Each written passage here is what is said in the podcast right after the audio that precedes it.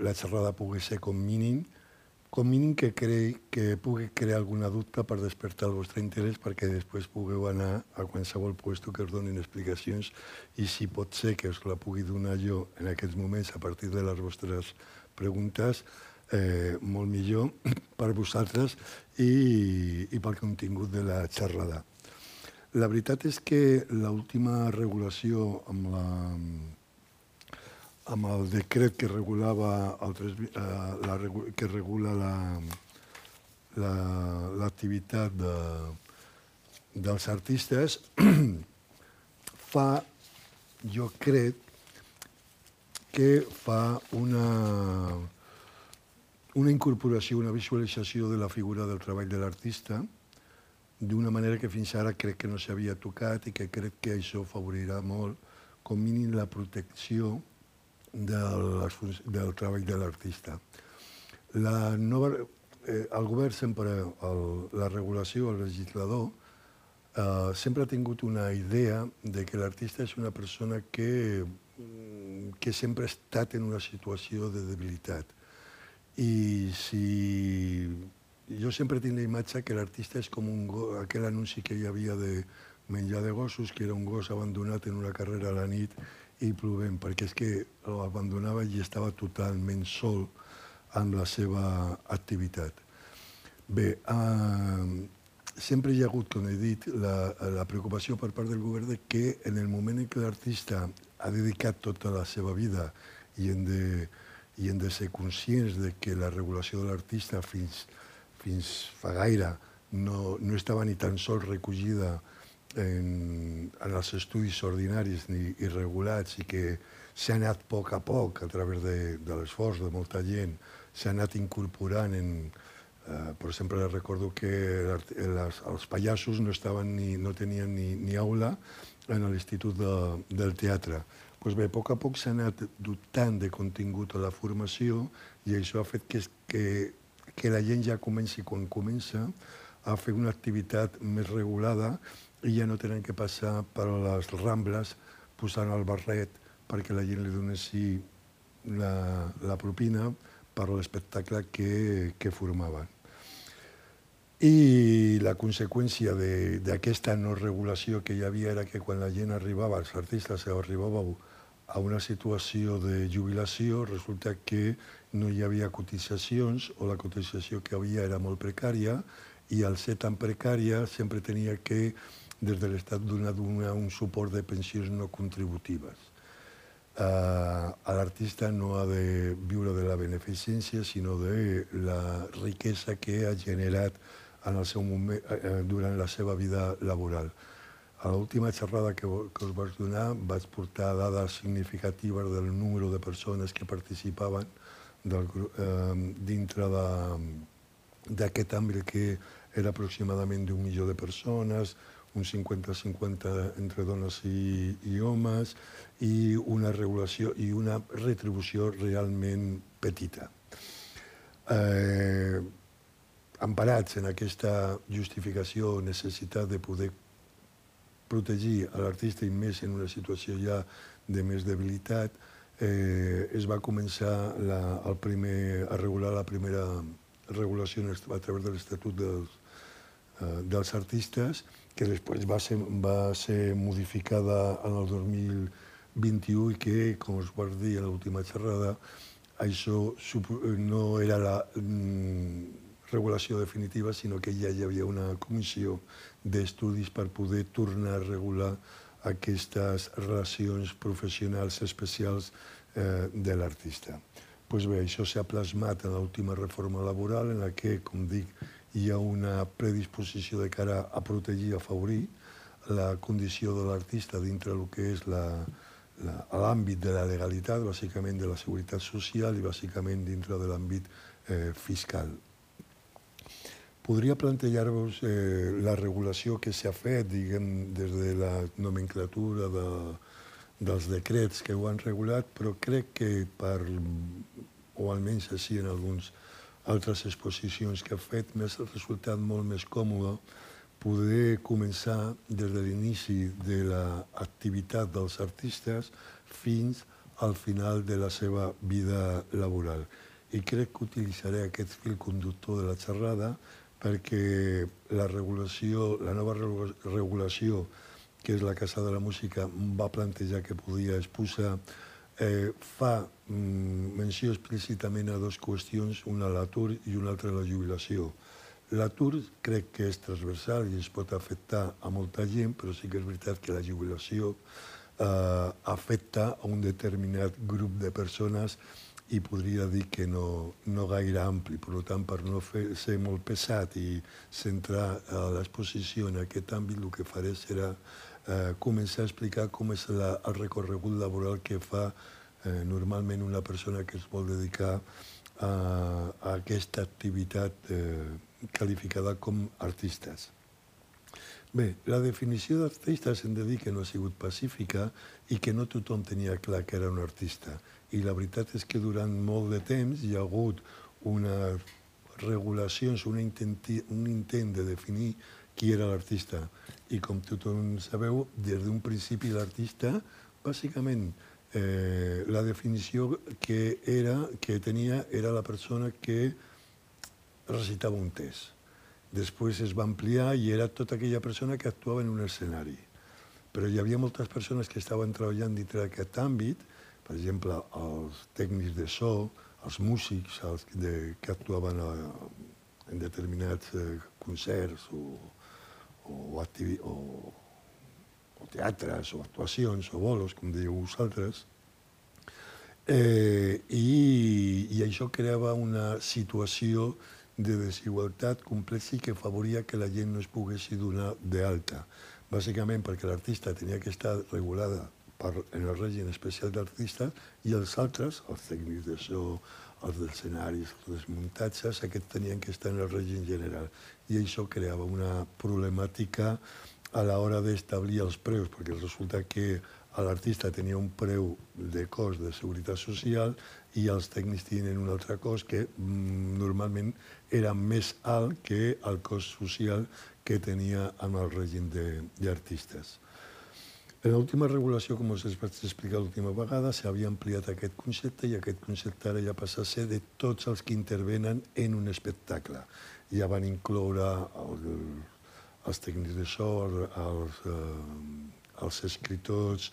els de guions, els que actuen sobre l'escenari, però també els que actuaven sota l'escenari i, si no, al costat de l'escenari. Inclús van incloure a les persones que feien el muntatge dels escenaris. Um, en aquesta nova regulació, la definició no s'ha tocat i, en principi, es té una consideració ampla. Fins ara era una consideració, una consideració més petita, inclús es, es, es plantejava que la regulació convenial, el conveni de l'artista,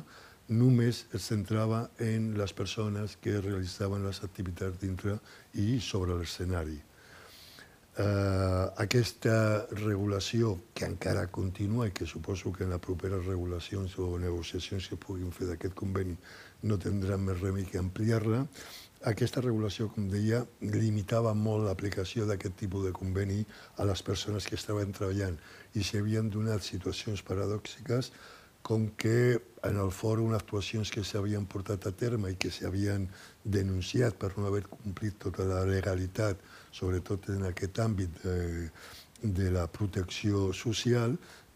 tenien, havien tingut sentències eh, dintre de l'àmbit del jutjat de lo social que uns deien que els monitors o les persones que estaven de monitors eren artistes i altres deien que els monitors no eren artistes. Això posa de manifest l'escassa regulació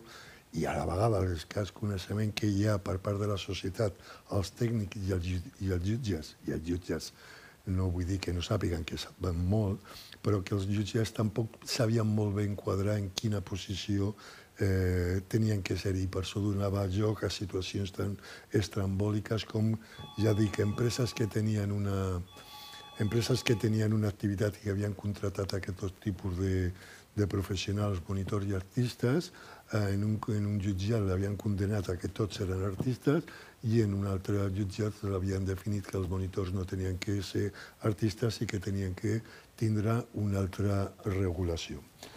Jo crec que avui per avui això ja està bastant clar, inclús el règim especial de treballadors autònoms ja ho defineix clarament. Uh, la regulació del, de l'Estatut de l'Artista, uh, sobretot l'última, uh, ja ho van ampliar i jo crec que aquesta regulació ja s'està uh, consolidant i s'està consolidant bàsicament a partir de l'última reforma, de, l'última reforma laboral que va plantejar la necessitat de que la contractació temporal no podia assistir de la manera que assistia fins ara i van obligar, i això obligat moltes, moltes empreses que utilitzaven aquest tipus de, aquest tipus de regulació de contractes temporals a, a fer-los fixes discontinus. Això ha afavorit que moltes entitats que es dedicaven a,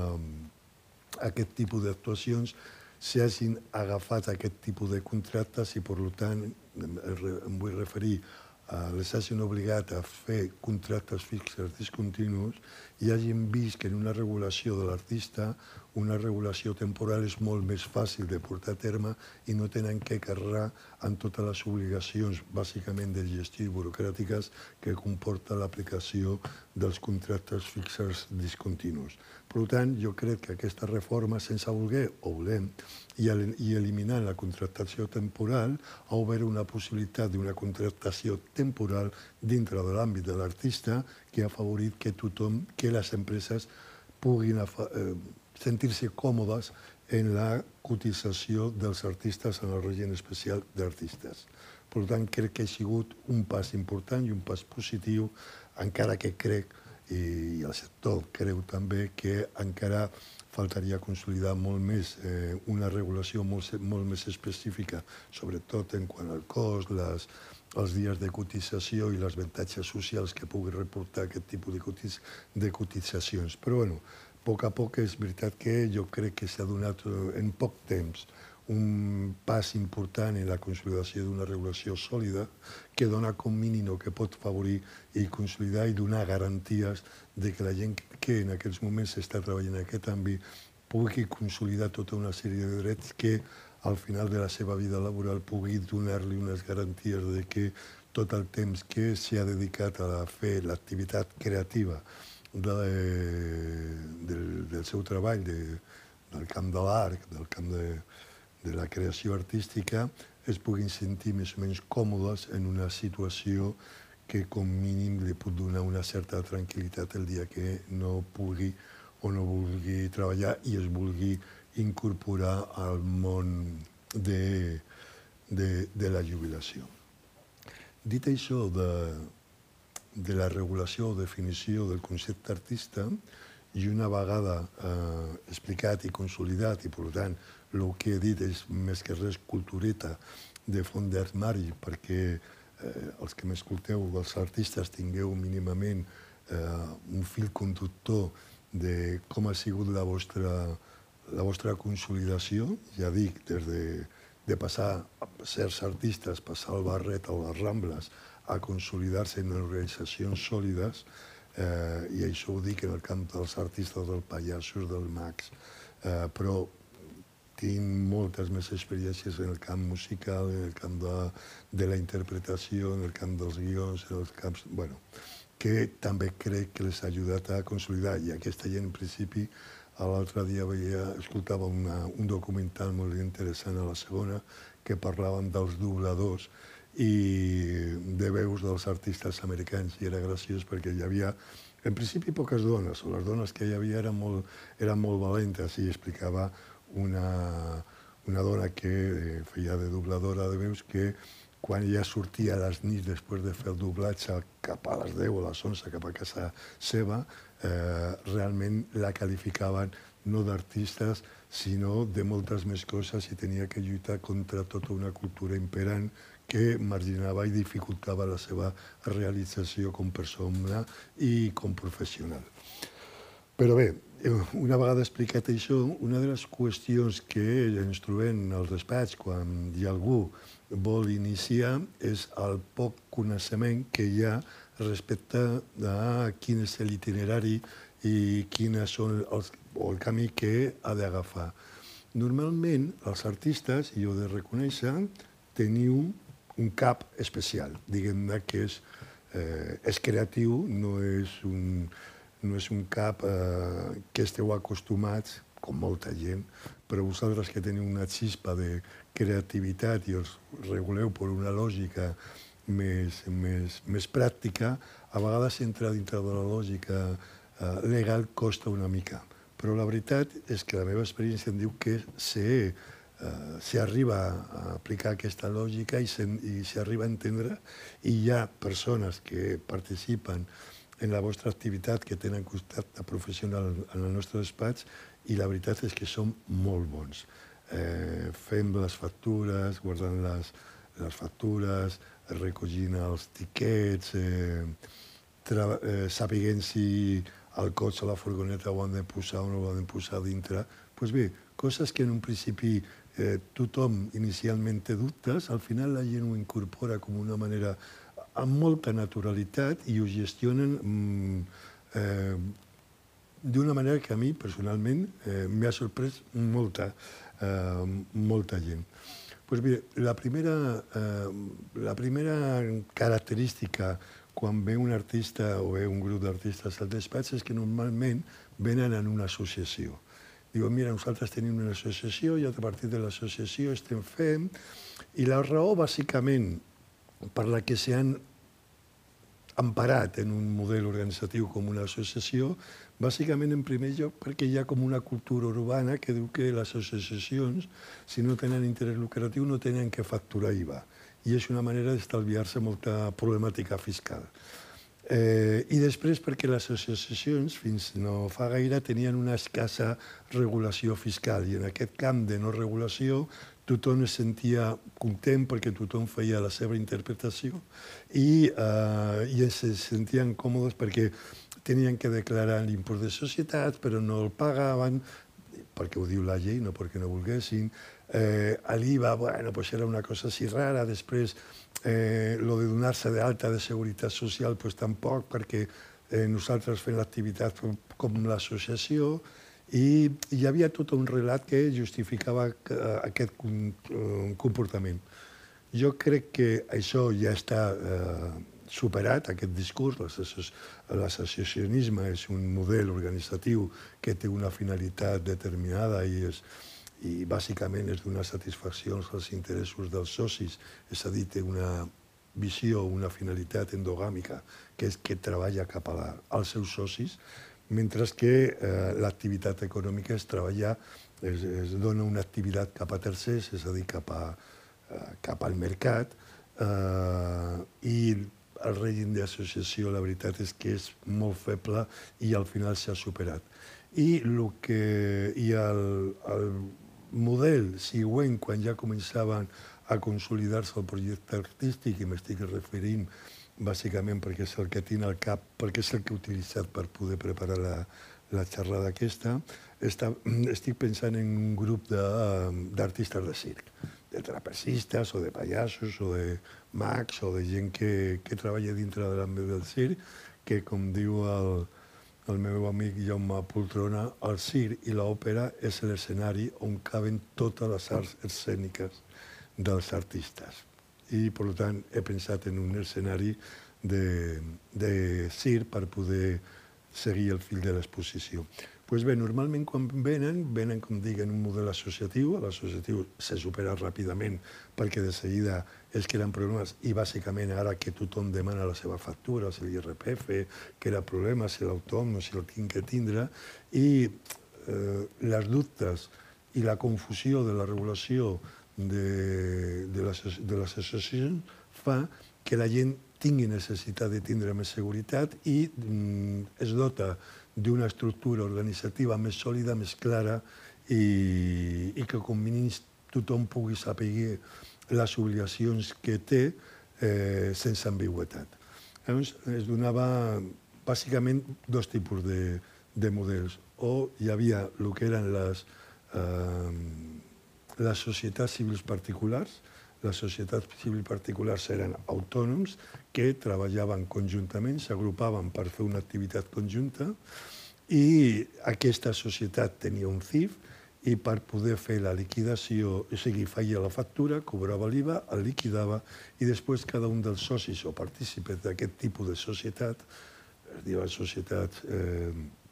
eh, civil particulars, hi ha alguns que es diuen comunitat de béns, vull dir, té diversos noms perquè no té, eh, no té molta regulació com a entitat, però bueno, eh, està molt consolidada. I després cada un dels socis o els partícipes d'aquesta societat, en funció dels estatuts on es posava quin grau de participació o, o percentualitat d'aportació als fons socials, doncs rebia una quantitat en funció d'aquestes eh, de, dels ingressos que feia aquest tipus d'entitat. Això es plasmava en que les persones individuals tenien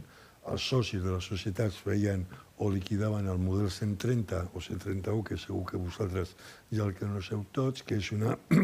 és, eh, una aportació que es fa durant l'any per poder, una vegada s'ha acabat l'any i es fa la declaració de renta,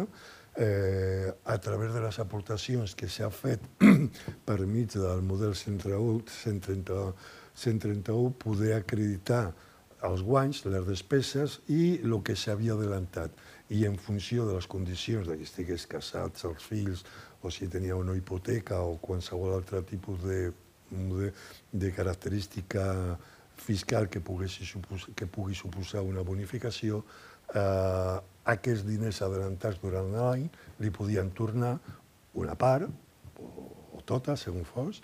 normalment una part, o bé hauria de eh, complementar aquesta part en, una, en un a pagar, que diuen, m'ha sortit la renta a pagar. Pues bueno, tenien que tornar, eh, tenien que complementar aquests ingressos anuals, perdó, tenien que complementar aquests ingressos que havien fet durant l'any eh, per mig de lo que li tocava pagar en el moment de fer la declaració de renta. Perdó. Però aquest tipus de d'entitat, la veritat és que és feble i la gent demanava més consolidació i llavors eh, hi havia alguns que donaven un salt al buit i es donaven d'alta directament en autònoms. I a partir d'aquí començaven a fer la seva activitat, pagaven, i, i eren uns autònoms i per tant tenia les obligacions fiscals que tenia, liquidar l'IVA, liquidar l'IRPF a través d'aquest model que us he dit i després feien la declaració. Passa que aquest tipus de, diguem de, de model d'autònom era, era molt deficient, bàsicament perquè l'activitat d'artista eh, és molt estacional, és a dir, no, no es treballa tots els dies cada any i el model d'autònoms cotitza cada dia eh, i durant tot l'any. I si hi ha temporades que no cotitzes o cotitzes una, un parell de setmanes eh, al mes eh, perquè és quan treballes la resta dels dies, fins abans de l'última, de l'anterior reforma, l'última, a l'autònom eh, un sol dia d'alta al mes obligava al pago de tota eh, la quota de tot el mes. És a dir, que era una despesa gravosa per una regulació d'aquest tipus. Sí que és veritat que el règim especial d'artista era, ja estava vigent i era una situació que podia estar molt consolidada, però la veritat és que no tenia, mm, no s'aplicava molt. Inclús eh, tenia, la regulació especial de l'artista té una trampa que és perillosa i que va crear molt mal, mm, va fer molt mal. I era que, independentment de lo que tu poguessis cobrar, tu tenies una quantitat màxima que podies, o mínima que podies eh, cotitzar eh, cada vegada que tu actuaves eh, o treballaves en un espectacle. El problema era que tu, imaginem, és una, és un, una idea, no és cap cas pràctic, però imagineu-vos que hi ha una persona que fa una actuació i que per aquesta actuació cobra, no sé, eh, diguem-ne 6.000 euros. Eh, com aquesta, com la cotització de l'artista estava topada, bàsicament perquè només es podia cotitzar per una quantitat, era molt còmode, o podia resultar ser còmode perquè no pagaves gaire. El problema és que a final d'any feien la regulació i llavors deien, bueno, tu has cobrat durant l'any tant, per tant, tu has de pagar aquesta quantitat. I la regulació que hi havia era molt, molt, molt dura, perquè, primer, perquè tu no tenies idea que te, no havies previst aquesta despesa, i quan venia era molt agressiva perquè era important, després perquè ja no te'n recordaves i després perquè, eh, eh, perquè la sorpresa et portava. I com les empreses te, eh, les afectava aquesta regulació, ningú o les empreses no era molt favorable a aquest tipus de regulació. Inclús hi ha una recent regulació en la que obliga que si una administració contracta un artista, l'administració està obligada, o l'empleador està obligat a donar-lo d'alta en el règim especial d'artista. I jo us dic que porto molts artistes, porto uns quants anys en aquest àmbit i encara no he vist que cap administració hagi donat d'alta en el règim especial d'artistes a cap dels artistes que han pogut participar en les festes majors o en qualsevol event o bolo o activitat o espectacle que, eh, que s'ha pogut fer. Per tant, tenien dos models, el de la societat eh, civil particular, que era especial, i, però ja suposava que hi havia una conciliació, o l'altre que et llançava a la piscina i, tenia, i es donava d'alta com un autònom. Aquesta, aquesta regulació al final va quedar una miqueta bueno, desfasada, bàsicament pel tema del cost, i es van començar a crear, a crear grups eh, que ja començaven a treballar en règim de cooperatives o en règim de societats eh, limitades o en societats anònimes o, en qualsevol altre tipus d'organització. Però la veritat és que els grups d'artistes s'han consolidat en el model cooperatiu, bàsicament perquè els artistes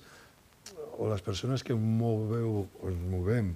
en un àmbit cultural amb el, mm, la regulació general no dona solucions concretes a la problemàtica específica, el cooperativisme o les cooperatives donen unes eines de gestió d'autoregulació que afavoreix molt la, la, donar solucions a la problemàtica que es creen els grups d'artistes. Però, a més, sobretot, perquè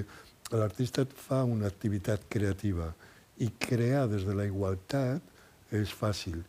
Crear en una societat que un es pot quedar en tot el coneixement de l'aportació que fa cada una de les persones que participen en el projecte i pensar en la possibilitat que algú es pugui quedar en tot aquest coneixement pel, pel fet de que té una determinada participació més gran en una, en una societat eh, que una altra, pues, eh, crea una situació de desequilibri que genera tensions i al final es trenca. Eh, les cooperatives tenen un model que és mm, assembleari, bàsicament en unes determinades limitacions, però molt assembleari, molt participatiu i fonamentalment molt igualitari. Cada persona té un vot i el coneixement que s'aporta no és del que més tingui, sinó que és de tots.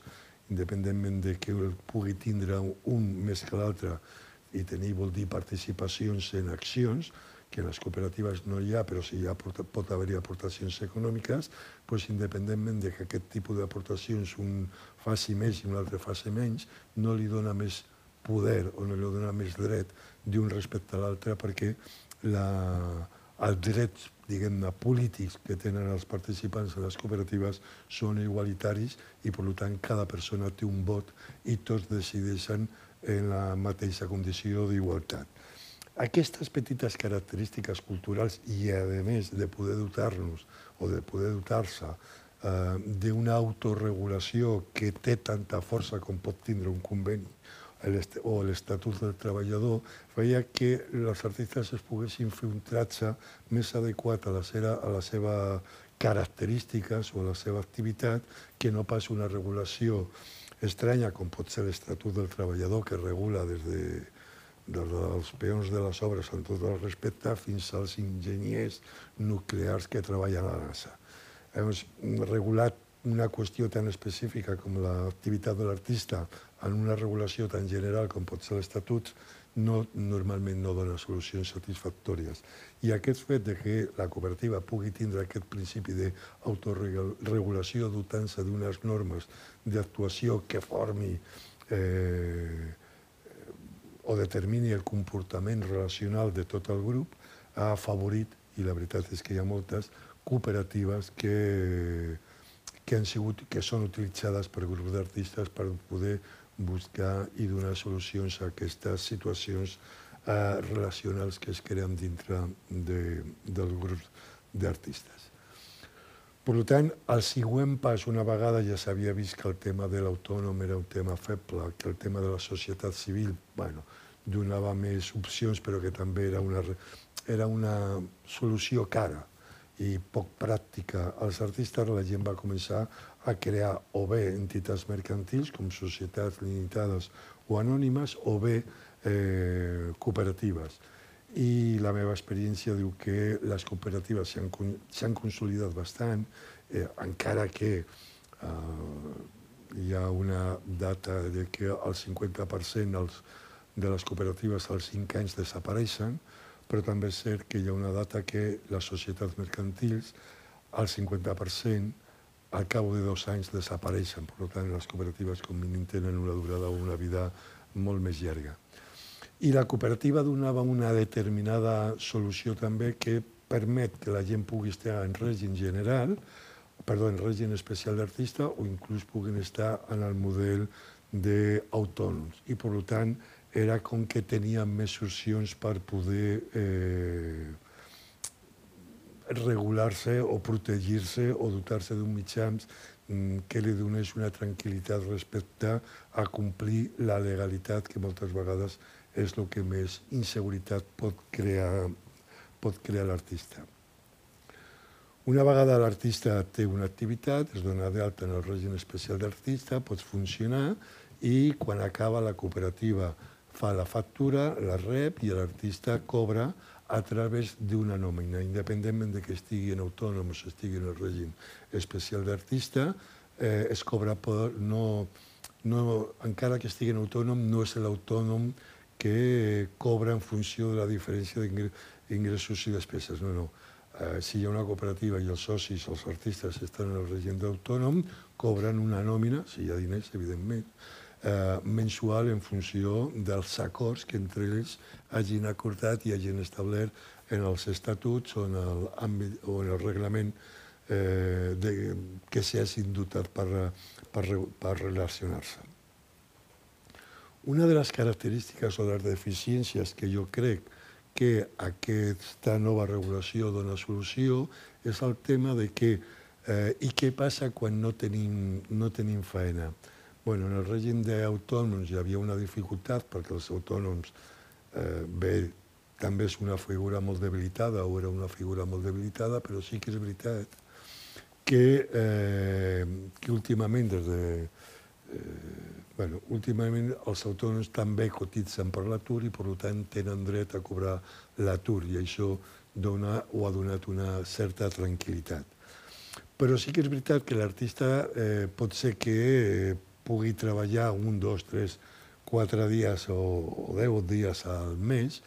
però la resta del mes pot ser que no treballi. I aquesta crea una determinada situació de feblesa respecte a les demés activitats. I això es va poder comprovar en el moment del confinament, quan es va decretar els temes de, del Covid i es va decretar els temes dels ERES, ERTES, que realment va ser una situació molt complexa i difícil per als artistes, perquè la seva regulació, o sigui, la seva contestació eren petites, no tenia suficient i es va quedar de manifest que no podien. Menys mal que al final hi havia un, tota una sèrie d'ajudes que es van poder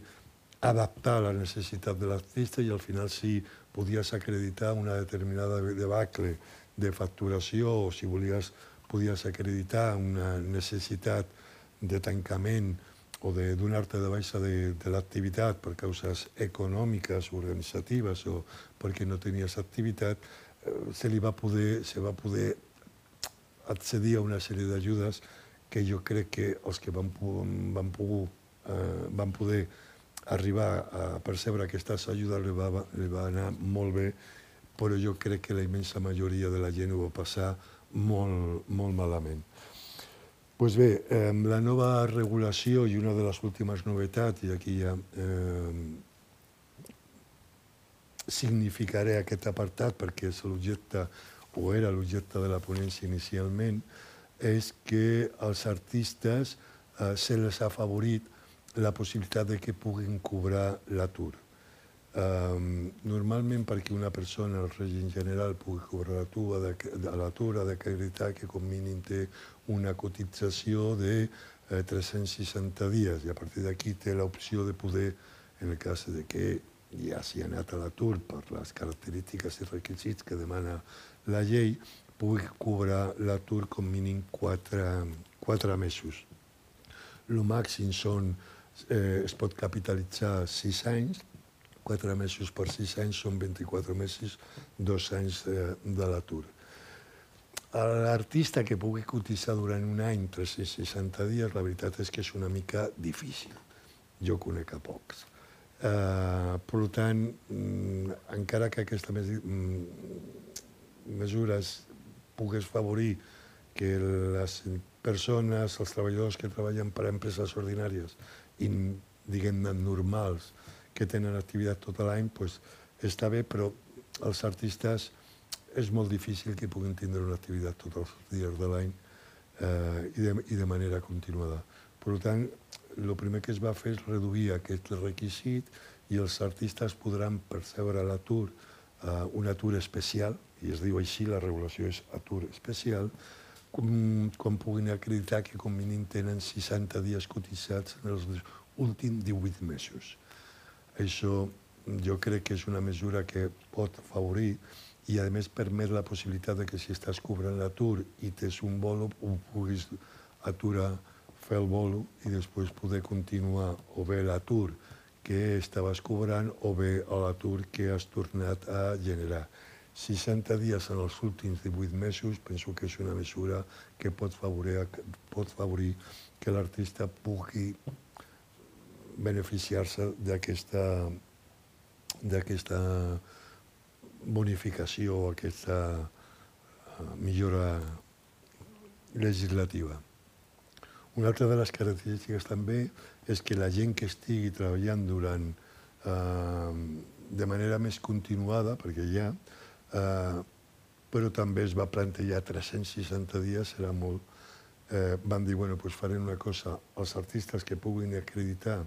que han, eh, que han treballat o han cotitzat 180 dies, ja sigui en el règim, perdó, en el règim especial d'artistes, també tindran dret a poder percebre un atur, un atur de 4 mesos. Per tant, aquí, en principi, la protecció que se li ha donat ha sigut reduir el temps de cotització necessari per poder accedir a, a aquesta mesura protectora eh, de l'atur. Hi ha unes determinades característiques també, com són quan cobrarien, perquè sabeu que una persona que està a l'atur cobra una determinada quantitat en funció del que hagi cotitzat. Eh, igualment, en aquesta regulació s'ha establert que les persones que ja hagin cotitzat més de 60 euros per dia cotitzat podran cobrar el 100% de, de la quantitat que li pot correspondre per la, per, eh, d'atur. I els que hagin cobrat menys podran cobrar fins al 80%. És una limitació, eh, pot suposar una mesura estranya, però la veritat és que és una regulació molt general perquè les persones eh, que cobren l'atur ordinari eh, cobren els sis primers mesos una determinada quantitat anys, i la resta del temps cobren una altra determinada quantitat independentment de la base de cotització o de lo que hagin cotitzat. Per tant, jo crec que aquí és una mesura un corta i pega de mantindre el mateix criteri en funció de la quantia. El que passa que aquí s'ha agafat no la temporalitat com en el règim general, sinó la quantia de, de la cotització. Uh, com deia, i és important, uh, sí que eh, eh, s'ha de tindre una determinada temps diguem de, de cotització en un determinat import per arribar a una determinada temporalitat per poder percebre això. Eh, una característica és que una vegada que s'ha cobrat l'atur, l'especial, l'atur especial aquest que dona dret 60 dies en últims 18 mesos, no pots tornar a cobrar l'atur en el règim especial d'artistes fins que no passi com mínim un any. És a dir, durant un any, una vegada acabat aquests 120 dies o 4 mesos de percebre l'atur, no pots tornar a generar noves prestacions de l'atur. És a dir, que has de tornar a cotitzar com mínim un any i omplir o tindre eh, la cotització necessària per poder tindre, eh, tornar a percebre aquesta modalitat d'atur. Pregunta des de casa. Diuen, aquest atur del que parla és el de renovacions múltiples que s'ha d'especificar la part d'observacions? Correcte. És múltiple perquè, en realitat, la, la seva nomenclatura és, és una regulació especial. El que passa que hi ha una, la possibilitat, com deia abans, de que es pot aturar, es pot continuar, es pot tornar a parar i es pot tornar a continuar en funció de les característiques de la nova activitat. Sí? Molt bé. Eh...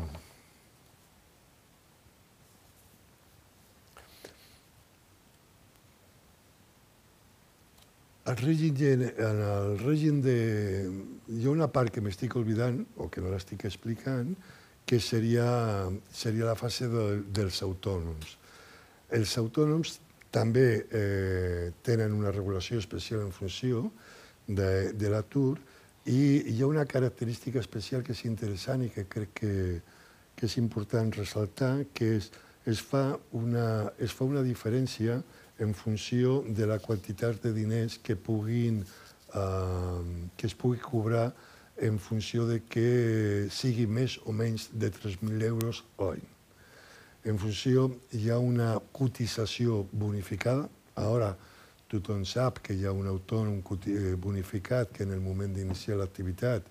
el primer any pagues una quantitat relativament petita, 80 euros, que el segon any pagues una quantitat una mica més elevada, que recorda que són 120 o 100, entre 120 i 150, no recordo exactament, eh, i, i és per afavorir la incorporació de, de, de la gent que inicia l'activitat, que s'entén que té unes determinades dificultats econòmiques per tractar-se de, de l'inici d'una activitat, i és afavorir la integració, diguem-ne, en la legalitat o en la protecció social d'aquest tipus de, de persones. Doncs pues bé, la, els, els que cotitzen el règim especial d'artistes també eh, en l'àmbit, diguem-ne, de, de,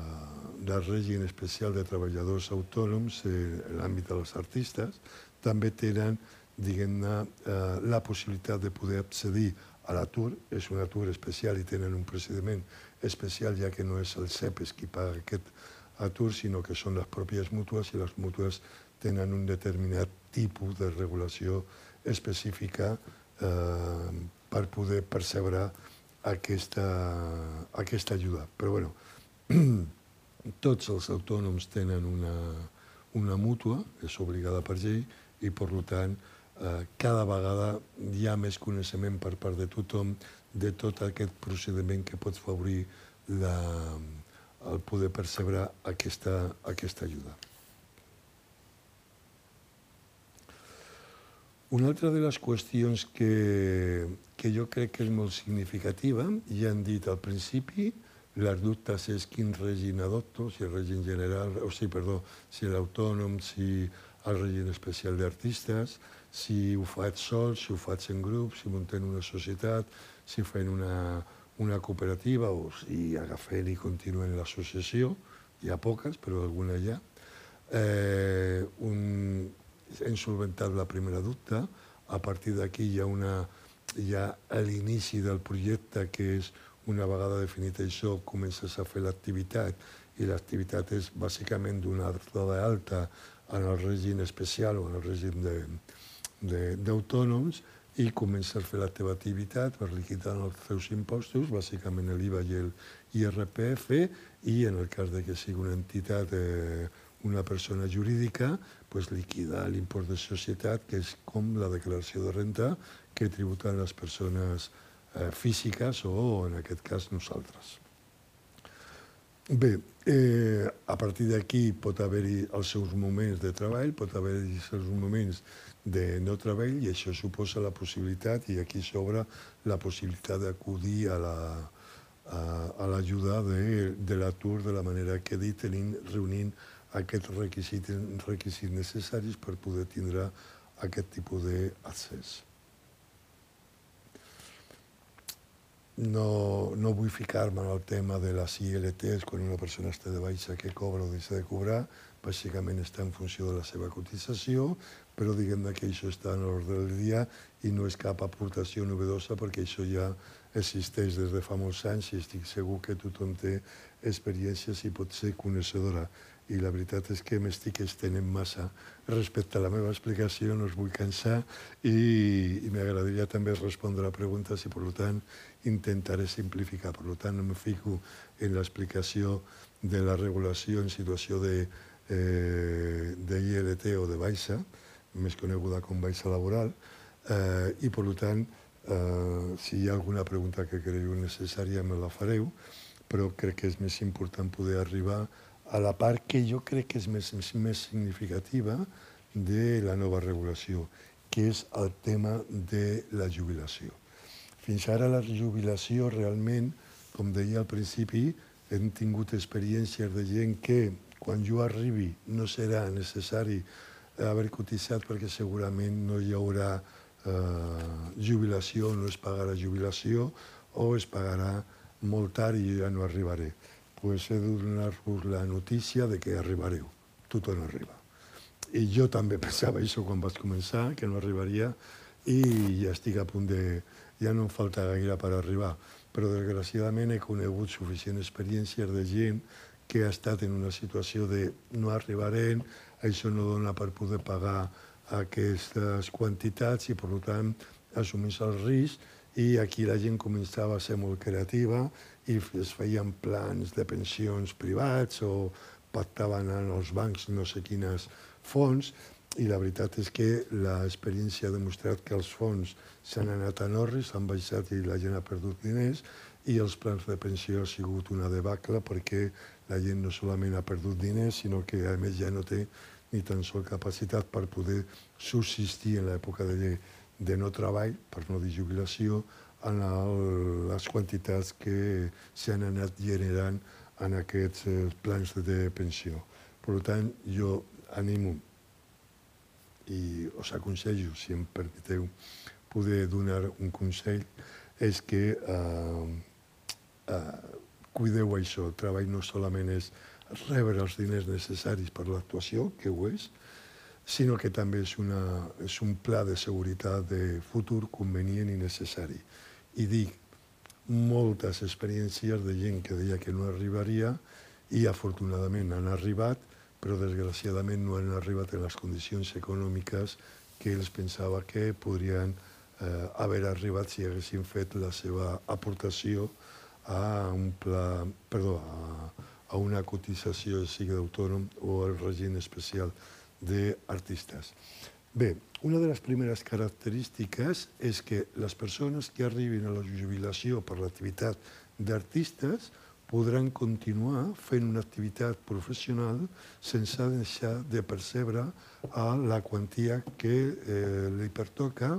de jubilació. Fins, això, fins, fins ara això no es podia fer, només era si percebies drets intel·lectuals per sobre per l'obra que havies creat, i, i no podies fer una altra activitat. Pues bé, la pròpia la modificació es permet que, eh, que puguis percebre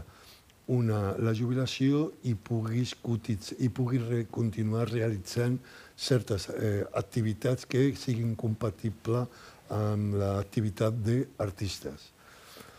Demanen uns requisits, i bàsicament els requisits és que eh, que es diu la cotització solidària.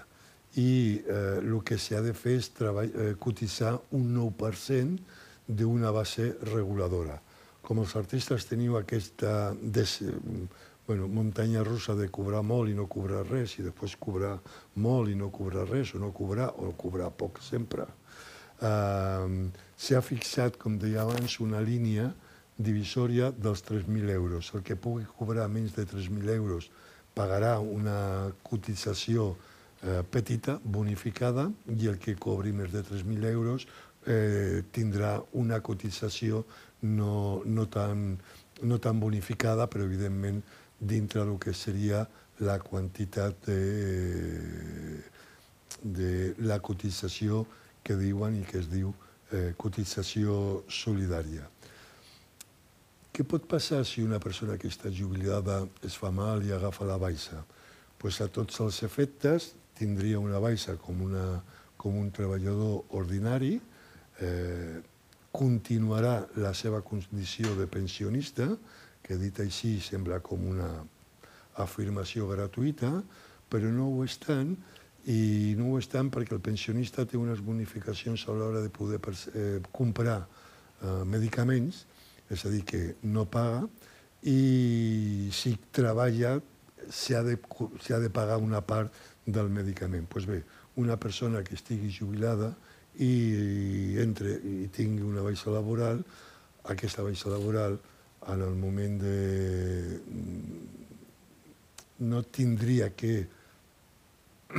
diguem-ne, eh, pagar eh, els medicaments eh, tal com podríem pagar qualsevol de nosaltres en aquest moment, sinó que continuaria mantenint el que es diu la seva condició de, de pensionista. Quan s'acaba aquesta baixa? Puc estar de baixa molt de temps? Pues, bàsicament, eh, encara que continues de baixa, si l'activitat s'ha terminat, acabat, en el moment en què acaba l'activitat, la baixa acaba i tornes a continuar de baixa, però sense cobrar o, eh, diguem-ne, de, de l'empresa que te tenia donada d'alta, sinó que tornes a, a continuar eh, cobrant l'import que et correspon eh, per, la baixa, per la jubilació que, que has obtingut. Hi ha unes excepcions que són importants, que és eh,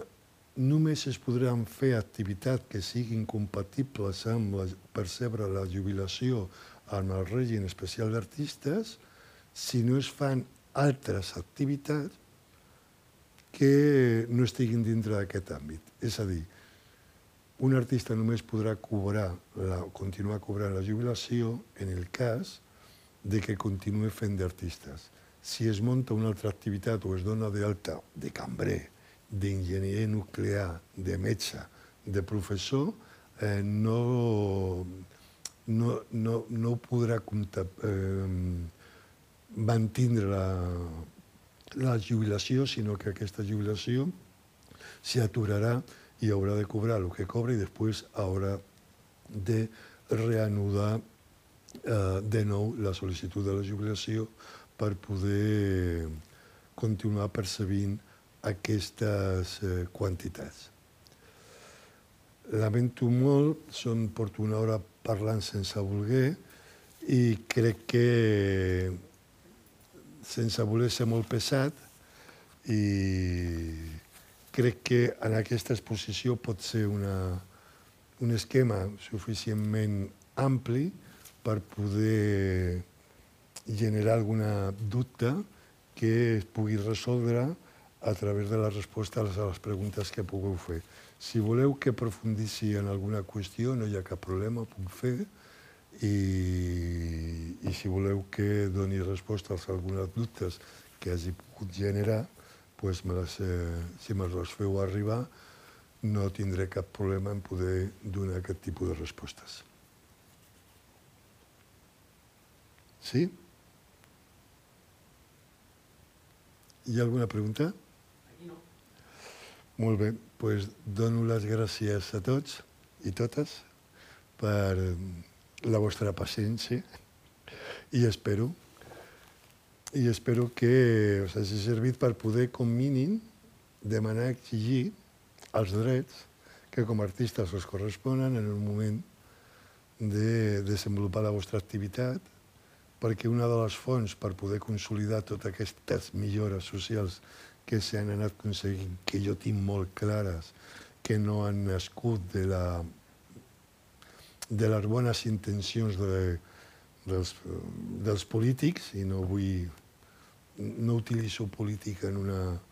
accepció pejorativa, sinó els legisladors, en, li hagin pensat que, que s'havia de protegir, sinó que ha sigut gràcies a l'esforç d'haver consolidat un sector econòmic important que aporta una quantitat important, un percentatge molt important a la riquesa del país, que recordar que era el, el 9% del PIB, eh, és l'aportació econòmica que fa aquest sector a l'economia nacional i, per tant, crec que si no tot, i per què no tot, però si una part important d'aquesta aportació ens ha de retornar eh, d'alguna manera a mesures protectores de, de la vostra activitat. Per tant, eh, espero i desitjo que cada vegada la gent pugui demanar i, i consolidar aquestes millores i que d'aquí a poc l'artista no solament no sigui una, una cosa especial que regula quan algú es recorda d'ells, sinó que en qualsevol mesura de regulativa estigui present per donar protecció, seguretat i projecció a aquest sector que jo crec que tant ha fet, que ha fet molt per la projecció cultural d'aquest país nostre. Moltes gràcies. Està?